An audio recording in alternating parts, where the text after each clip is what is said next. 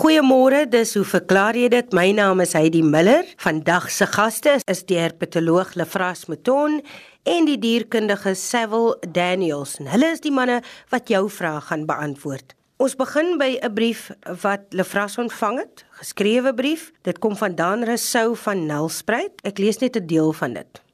Indien dit waar is dat 'n sonna sessie onsuiverhede uit jou bloed verwyder, word nutriënte in jou bloed ook verwyder deur die sweetproses.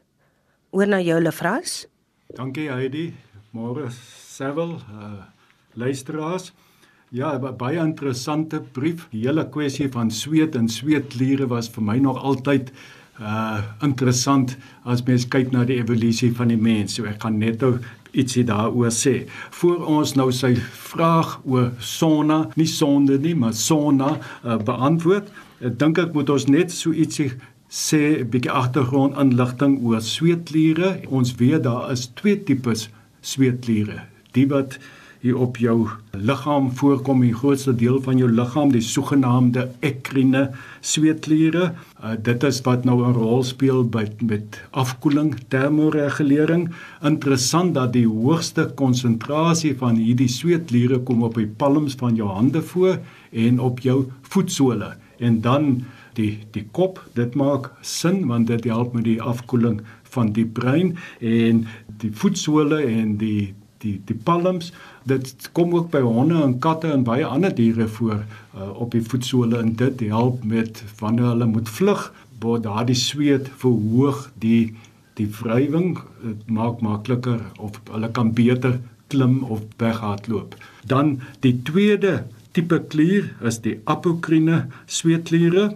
Dit is wat onder die arms voorkom uh, nie net onder die arms nie rondom of tussen die anus en die genitalia is daar ook kliere en hierdie kliere by die volwasse mens is uh, altyd gekoppel aan hare en die afskeiding word in die haarkanaal uh, gedoen. Mens verwar altyd hierdie twee goede. Hierdie apokrine kliere speel nie 'n noemenswaardige eintlik geen rol by afkoeling nie. Dit het 'n hele ander funksie. Maar by ander diere, ander soogdiere, veral die hoefdiere kan dit wel 'n rol speel. Nou daar is natuurlik ook ander kliere die wat in jou ore is wat was afskei, uh melkkliere by die vroulike individue en in die ooglede is daar kliere wat jou oë smeer. Dit is alles apokrine kliere of omvormde apokrine kliere.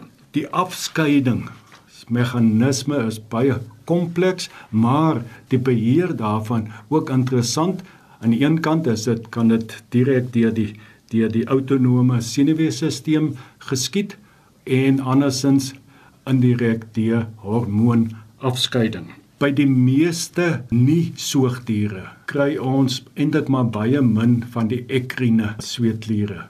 En waar dit voorkom is is dan gewoonlik op die die die voetsole en die die palms maar die meeste diere, soogdiere het wel uh, oor die liggaam uh, baie meer van die apokrine kliere wat by die mens eintlik relatief beperk is. Net so interessant is dat by uh, die primate, dis nou die die groot ape en wel al die ander aapagtiges is dat die mens het ten minste 10 maal meer sweetkliere, ekrine sweetkliere as die naaste verwante is die simpansee. Ons is ook haarloos. Hierdie twee goed saam. Ek sê nou haarloos, maar die haartjies is baie kort. Dit as ons praat van die die naakte aap. En dit het alles te doen met toe hulle uit die bome uitgekom het, die oermens en begin jag het. Het hulle lang afstande begin aflê om om gekweste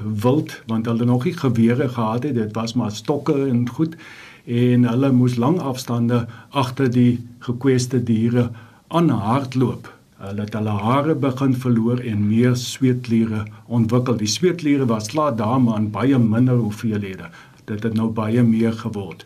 En dit is die die teorie oor hoekom ons soveel sweetkliere het en naakte lywe het. Wat die funksie van van sweetkliere het ek nou reeds gesê, die ekrine kliere hoofsaaklik termoregulering vir afkoeling. Maar daar is nog 'n tweede belangrike uh, rol wat dit speel en dit kom nou ons beweeg nou in die in, nader na die vraag wat Daan gevra het. Uh, daar word ook sekere stowwe saam met die met die sweet uh afgeskei. Kyk, die sweet bestaan maar omtrent 98-99% uit water, maar daar is 'n paar ander stowwe, onder andere sekere sure, melksuur en uh, askorbinsuur en irium. Daardie is belangrike bestanddele van sweet, van die ekrine sweet, want dit gee daardie suur eh, laagie op jou vel en daardie suur laagie uh, het 'n antimikrobiese werking. En dit is een van die dinge ons was ons die hele tyd so skoon en ons was die hele tyd daardie suur laag af. Mens moenie so baie was nie. Baie belangrik. Sweet of sweetkliere het nie ontstaan om van afvalstowwe ontslae te raak nie. Die lewer is daar om dit te doen. En hierdie klein bydraetjie wat die sweetliere maak om van sekere stowwe af te skei is eintlik onbenullig as mens kyk na die die grootte prentjie. En nou is daar ook 'n vraag waar daar ook uh, voedingsstowwe afgeskei deur die ekrine sweetkliere. Nee, daar word geen voedingsstowwe afgeskei nie. En dit is 'n baie belangrike uh, punt want ons gaan nou bietjie gesels oor die apokrine kliere. En daar sit 'n heel ander storie. Die apokrine kliere, dis nou wat hier onder die arm sit. Hulle skei meer op olierige, melkerige sweet af. Daardie sweet bevat wel uh koolhidraat stowwe dit bevat proteïene, dit bevat uh vette, lipide en goed en alles wat eintlik voedsel is. En dit is voedsel vir vir mikrobes, vir vir bakterieë. En wanneer daardie sweet afgeskei word, is dit reukloos. Maar dan begin die bakterieë daarop te werk en dan ontwikkel die die reuke. Nou daardie reuke is sommer net vir die vir die plesier daar nie. Die dier gebruik daardie reuke om te kommunikeer. En dit is hoekom hierdie apokrine sweetliere is altyd gekoppel aan hare. Hierdie hare het 'n baie interessante struktuur. Die struktuur is nie dieselfde as die hare op die, op jou kop en die res van jou lyf nie. Die uh pubeshare en die hare rondom kloaka en so en onder die arms het 'n ander struktuur en dit is om hierdie sweetafskeidings vas te vang. Die diere kommunikeer met daardie reuke, feromone en en uh, manlike en vroulike afskeidings is nie dieselfde nie. So die dis verskillende bakterieë wat dan lei tot verskillende reuke. Baie interessante ding. Nou ja, ons was alles elke dag af, die meeste van ons of ons smeer goede daarop om ontslae te raak van van hierdie uh reuke. Ook interessant is dat hierdie sweetkliere, die apokrine kliere ontwikkel eers met puberteit sodat dit nie afkoelingsfunksie by die mens het. Dit het 'n hele ander rol. Nou ja, soos ek sê, hierso is dit wel voedingsstowwe wat afgeskei word met 'n baie spesifieke doel. So net om om dan nou op te som sona ja, dit het voordele uh, om van toksiese stowwe ontslae te raak is definitief nie dit gebeur nie. Dit is 'n mite. So as jy nou so 'n bietjie baie wyn gedrink het die vorige aand, moenie dink die sonna gaan nou help om jou kopseer weg te vat nie. Dit is dit is nie so nie. Die lewer is daar wat al hierdie hierdie funksies vervul. Nou ek het nog snaaks genoeg nooit in my lewe was ek in 'n sonna nie, maar dit is 'n ding wat al baie duisende jare al die mense gedoen word en ja, hulle sê daar's voordele laat jou beter voel. Dit is so, dit is veral goed vir die kardiovaskulêre gesondheid want jou bloedvate verwyd en en so meer en daar's 'n hele paar ander dinge uh voordele. Maar die sweetproses, dit is liters sweet wat jy kan uitsweet. Dit werk eintlik die werking van die lewer teen. Ieder as wat dit nou sou help om om ekstra uh, afvalstowwe uit die liggaam te verwyder. So ek hoop sommer net so kortliks het ons uh, danse vrae beantwoord. Hy kan sonne, daar's baie voordele, maar dis ongelukkig nie een van hulle nie. En jy hoef nie bang te wees nie. Hy gaan nie voedingsstowwe, glikose en goed deur die sweetproses verloor nie. My gaste, ek stel jou net weer voor, is die dierkundige Sewil Daniels en die herpetoloog Lefras Meton. Sewil het 'n brief ontvang van Christo Plessis van Vier Landen en hy skryf: Ek wonder hoekom manlike soogdiere tepeltjies het. Selfs Chuck Norris het twee. Goeiemôre Hetty. Goeiemôre Lefras, goeiemôre luisteraars. Ja, dis nog 'n redelike grappige vraag, maar dit het natuurlik 'n uh, eh, biologiese rede. Lefras, jy sal nou onthou in die ou dae het ons altyd in die eerste jaar so 6 maande embriologie gedoen. Nou die van julle wat onthou, ehm um, embriologie in eerste jaar was uh, tamaletjie om die minste te sê. Chris se se vraag is werklik 'n antwoord in die embriologiese ontwikkeling. 'n Mens moet nou onthou na geslagskoppeling, byvoorbeeld nou by mense wanneer die embrio nou ontwikkel, uh, fetus word, gewoonlik by 3 tot 4 weke na bevrugting, is daar geen onderskeiding tussen um of die fetus 'n uh, mannetjie gaan wees en of dit 'n uh, wyfie gaan wees nie. 'n Mens sien eers by 5 tot 6 weke nadat die um geslagskromosome aangeskakel word dat daar 'n diferensiasie plaasvind. 'n Mens moet nou ook onthou dat mans byvoorbeeld en gewoonlik 'n X en 'n Y het as hulle geslagskromosome terwyl vrouens net XX het as hulle geslagskromosome. So wat dan nou gewoonlik gebeur by 5 tot 6 weke terwyl die fetus nou ontwikkel, kry 'n mens 'n geenkompleks, die SRY geenkompleks wat geaktiveer word. Nou hierdie geenkompleks aktiveer die Y-kromosoom by die mans en hierdie Y-kromosoom word dan verantwoordelik vir die onderdrukking van sekere gene by die X-kromosoom wat dan nou lei tot die ontwikkeling of liewer die ontstaan van testes byvoorbeeld by die mans. Mense moet nou ook onthou dat gewoonlik gedurende puberteit word hierdie testes dan nou verantwoordelik gehou vir die um vervaardiging van testosteron. So daar is dan nou hierdie sekondêre um geslagskenmerke wat gepaard gaan um, met die organisme se ontwikkeling. Maar die hoofrede nou hiervoor is uiteraard is daar geen werklike biologiese funksie vir tepels by mans nie. Dit is nou net omdat die geslag word eers later bepaal. Dit is amper soos jy maak eers 'n pakkie en later sit jy die stamp vir wie die pakkie gaan op die pakkie. Baie mense sien ook die teenwoordigheid van um, tepels by mans as vestigiale organe en 'n mens kan ook nou byvoorbeeld as 'n mens nou kyk na mense mond verstandtande byvoorbeeld 'n mens het werklik meer 'n um, ekstra paar tande nodig die meeste mense se monde raak kleiner in elk geval So hierdie dink mense is werklik oorblyfsels van waar daar potensieel in die verlede 'n funksie sou kon gewees het. Interessant genoeg by sekere ander um soogdiere sien 'n mens dat die tepels word totaal geherabsorbeer by mans. 'n Mens sien dit veral by muise. By muise wanneer die diere in die embriologiese vorm is en die fetus is, ontwikkel hulle almal hierdie melklyne maar met tyd is daar 'n proteïen wat geaktiveer word by die diere wat lei tot die herabsorbasie van hierdie tepelagtige strukture. So wanneer die manlike uh, muise gebore word, het hulle gewoonlik geen tepels teenwoordig nie. So die vraag of die antwoord liewer is dan 'n embriologiese proses wat dan nou lei tot die aanskakeling van die manlike kromosoom wat lei tot die onderdrukking van die X-kromosoom maar op hierdie stadium van die ontwikkeling het die mans reeds die tepels.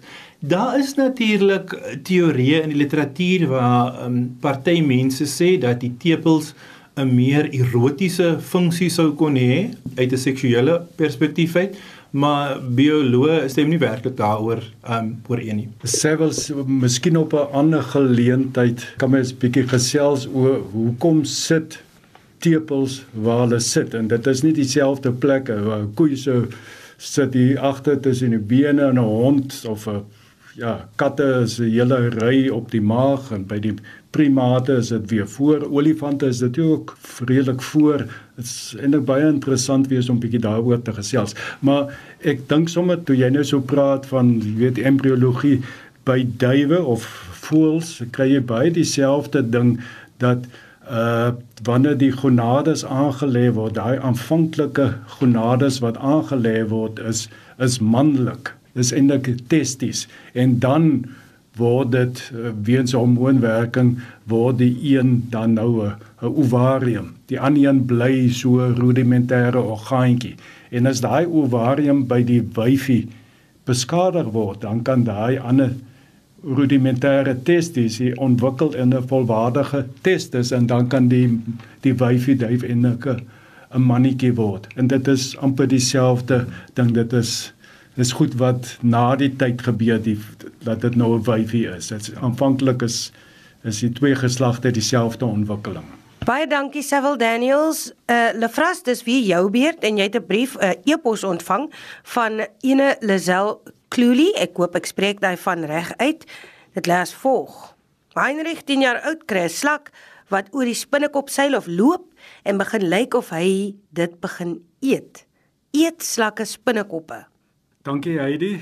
Ons weet dat die oorgrootste meerderheid van dopslakke en naakte slakke, hulle is herbivore, plantvreters en hulle benut 'n wye reeks van voedselbronne insluitende swamme, alge, ligene, blare en vrugteblomme en wortels van die hoër plante. En hulle almal het 'n radula is amper so 'n vuil besigheid of 'n rasper. 'n Rasper klink beter wat hulle stukkies so af rasper en met hulle kaak dan verder in klein deeltjies opbreek wat hulle dan insluk maar baie of die meeste van ons inheemse spesies, hulle eet net dooie plantmateriaal en dit is nogals belangrik om te weet. Die inheemse goed is nie peste nie. Dit al hierdie peste wat ons in die tuine het, dit is in indringer spesies of uitheemse uh diere. Ek het dit gesien met die naakte slakke. Kyk, slakke, die molluska is baie slim diere. Ons weet seekatte onder andere baie slim maar selfs slakke is. Ek kry die indruk hulle weet presies wat hulle doen. In die oggend dan sien jy die slak was weer hier. Wil jy ja. sien daai slijmspoortjie en dan pak jy alles mooi weg en dan volgende aand is hy maar weer daar gewees. So hulle loop in die nag en in die dag gaan skuil hulle op hulle skuilplekke. Sien dat hulle heeltyd rond be beweeg nie. Baie van hierdie plantvretende slakke hulle eet ook dierlike materiaal. As jy van hierdie tuinslakke doodtrap, dan aan jy kom die volgende aand daar of die volgende oggend dan sien jy maar hierso sit 'n ander slakke besig om om te eet. So ek ek noem dit sommer nou net nou al dat selfs herbivore slakke sal wanneer die geleentheid om voordoen sal hulle aas eet. Met ander woorde vleis alles as jy 'n stuk vleis daar uitstit sal hulle dit ook waarskynlik eet. Daar is 'n paar families van slakke wat wel spesialis karnivore is. Met ander woorde, hulle eet ander diere en maar dit is gewoonlik sagte liggaam prooi wat hulle eet soos ander slakke of uh, aardwurms. Ek het nog nie gehoor van spinnekoppe nie.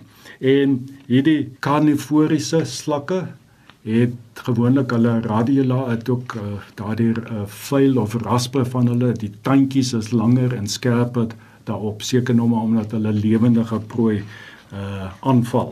Nou as ons na die foto kyk, dit wat ons sien daar op die foto is die gewone tuinslak, uh, Cornu aspersum. Nou da, dit is natuurlik 'n groot pestdier, maar Hy eet beslis nie spinnekoppe nie. Dit is 'n herbivoriese uh slak, plantvretende slak en ek het die vermoede dat die slak het nou toevallig oor die spinnekoppie geloop en natuurlik daai slijm is taai en die spinnekoppie het nou maar daar vasgesit. Dit is wat ek sou dink, maar ons kan nou nie buite rekening laat want die foto is nie heel lekker om nou te kan sê wat wat se slak dit is nie. Dit mag dalk ook 'n karnivoriese een wees, maar dit sou in elk geval my raai skoot wees dat dit net 'n toevalligheid was.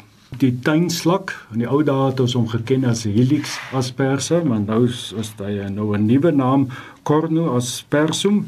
Uh dit is natuurlik 'n ingevoerde ding. Hy kom daar in die Mediterrane streek in Wes-Europa voor en dat oorspronklik en natuurlik nou is hy omtrent wêreldwyd uh al uh, versprei. Nou dit is 'n baie goed bestudeerde spesies.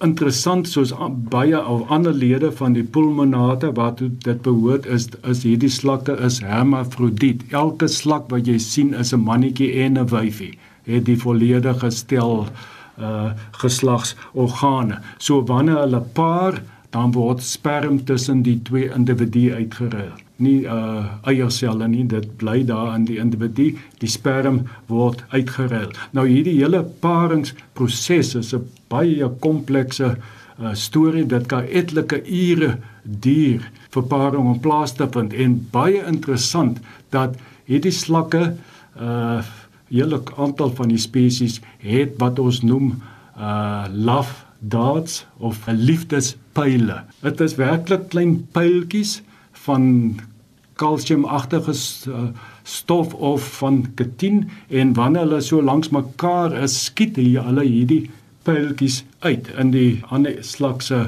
se lyf in en dit kan indring deur die vel in die vleis in. En baie interessant dat die slijm wat wat die pyltjies bedek bevat sekere stowwe wat dan nou uh die die kanale oopmaak uh vir die sperm om aan die ander individu langs te beweeg om te verhoed dat die sperm verteer word. So hoe dit nou evolusionêr ontwikkel het sal die vader alleen weet, maar baie interessant dat die twee individue mekaar met pyltjies skiet. Ons ken natuurlik tuinslakke of hierdie slak uh is natuurlik gewilde uh, ding om te eet. Ek in in Suid-Afrika was al word daar baie pogings aangewend. Ek verbeel my ek het ook een keer 'n klomp slakke gevang uh om hulle voor te berei om te eet aan mense wat wat hulle tuinslakke wil eet. Ek dink op die internet kan jy al die inligting kry. Die eerste belangrike ding is om net eers al die kos uit hulle stelsel uit te kry en dit kan jy doen deur hulle in 'n draadhouer te sit, nie in die son nie, want skade weer laat na so 4 dae behoort al die kos uit hulle stelsel te wees. Nou ons noem hierdie boerdery met met eetslakke is Elysi kultuur. Dit is van die familie Elysidae. Nou hulle is wêreldwyd bekend as 'n gereg. Sevel, hou jy van slakke? Is vir my altyd net so 'n taai knoffel dingetjie wat jy in jou mond sit. Hulle vra seker dat toe ek 'n kind was, het my pa altyd ehm um, na die see toe gegaan en van hierdie, hulle noem dit nou in Afrikaans perdevoete. Ehm um, maar dit is nou die ou patella. Jy onthou hom wat daar in die intergety voorkom. Ehm um, dan kook hy altyd die diere en dan haal jy nou die ehm um, die voet af wat aan die onderste gedeelte is en dan maal jy dit in jou die ou tydse ehm um, aluminium malertjie met ehm um, knoffel en met ehm um, wortels en brood en so voort en dan kan jy nou 'n tipe van 'n frikadel daarvan maak wat nogal moet ek sê smaaklik is. Om nou net by te voeg by ehm um, die vorige stellings Daar is natuurlik 'n marine groep slakke in die genus Conus wat eksklusief voed op visse. En by hierdie diere is die um radula vervorm om 'n pyl te vorm. So by hierdie diere skiet hulle die pyl uit en dan binne hierdie pyl is daar 'n neurotoksine wat die vis dood. Dan kan hulle hulle hele mond oor die vis sit en die vis so stadig opvreet. So dis nogal 'n vreeslike interessante aanpassing by die gastropode om groter prooi items te kan verteer. Lazel net om op te som, ek dink daardie slak met die spinnekoppie wat onder die die die slak se voet vassit. Die slak is nie besig om te eet nie, dit is maar net 'n toevalligheid, maar in dieselfde asem wil ek beklemtoon daar is wel landslakke, dopslakke wat karnivories is. en wat wel lewendige prooi eet, in die meeste gevalle sagte liggaamprooi soos aardwurms en ander slakke. Wel daar het jy dit vir vandag. Ek sê baie dankie aan Lefras Mouton en Sewil Daniels en jy het nou ook gehoor dat slakke ook Cupid kan speel, né? Pyltjies. Dan het ons gehoor oor soogdiere en tepeltjies en ook meer uitgevind oor jou sweetkliere. Aanstaande week kan jy verder luister om 12:30 saam met my Heidi Miller. Maar intussen weet jy, jy kan 'n brief skryf na hoe verklaar jy dit posbus 2551 Kaapstad 8000 as jy 'n vraag het vir ons kenners of stuur vir my 'n e e-pos heidi@rsg.co.za